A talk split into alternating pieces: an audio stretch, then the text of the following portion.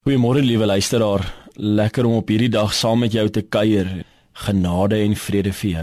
C.S. Lewis se woorde: Solank hoogmoed in mense se hart woon, kan jy God nie sien nie. Verwaande mense sien immers neer op alles en almal, en as mens altyd afkyk, kan jy natuurlik nie sien wie bo jou is nie. Jesus het die storie vertel van die Fariseer en die tollenaar in Lukas 18 vers 9 tot 14 met die oog op mense wat seker was dat hulle saak met God reg is en op ander mense neergesien het. Jesus se boodskap kom baie duidelik na vore: Moenie op mense neersien nie. Die tweede helfte van vers 14 staan daar: Elkeen wat hoogmoedig is, sal verneder word, en hy wat nederig is, sal verhoog word. Dit is waar die beeld van die vergrootglas en die spieël inkom. Die fariseer het neergesien op die tollenaar en al die ander mense. Hy het met 'n vergrootglas gesit en gefokus op ander mense en ander mense se foute. Die tollenaar het met 'n spieël na sy eie lewe gekyk en na sy eie foute en tekortkominge in die lewe raak gesien.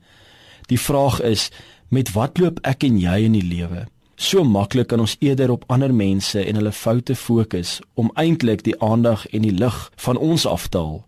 Maar eintlik sê dit nie veel van daardie persoon wat ons bespreek nie. Dit vertel eintlik vir ander wie ons is met 'n vergrootglas wat net kyk na ander se foute en tekortkominge of loop ons met die spieël wat kyk na ons eie lewe en delf ons dieper na wat ons verkeerd doen en watter tekortkominge in ons is?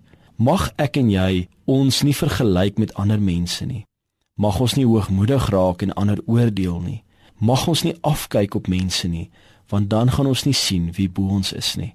Mag ek en jy Filippense 2 vers 1 en 5 ons eie maak aangesien julle die troos in Christus ondervind het, die aansporing deur die liefde, die gemeenskap deur die Gees, die innige meegevoel en meelewing, maak dan aan my blydskap volkome deur eensgesind te wees, een in liefde, een van hart, een in strewe. Moenie niks uit selfsug of eersug doen nie, maar in nederigheid met die een die ander hoor ag as homself. Julle moenie net elkeen aan sy eie belange dink nie, maar ook die van ander. Dieselfde gesindheid moet in julle wees wat daar ook in Jesus Christus was. Mag jy 'n lekker dag hê.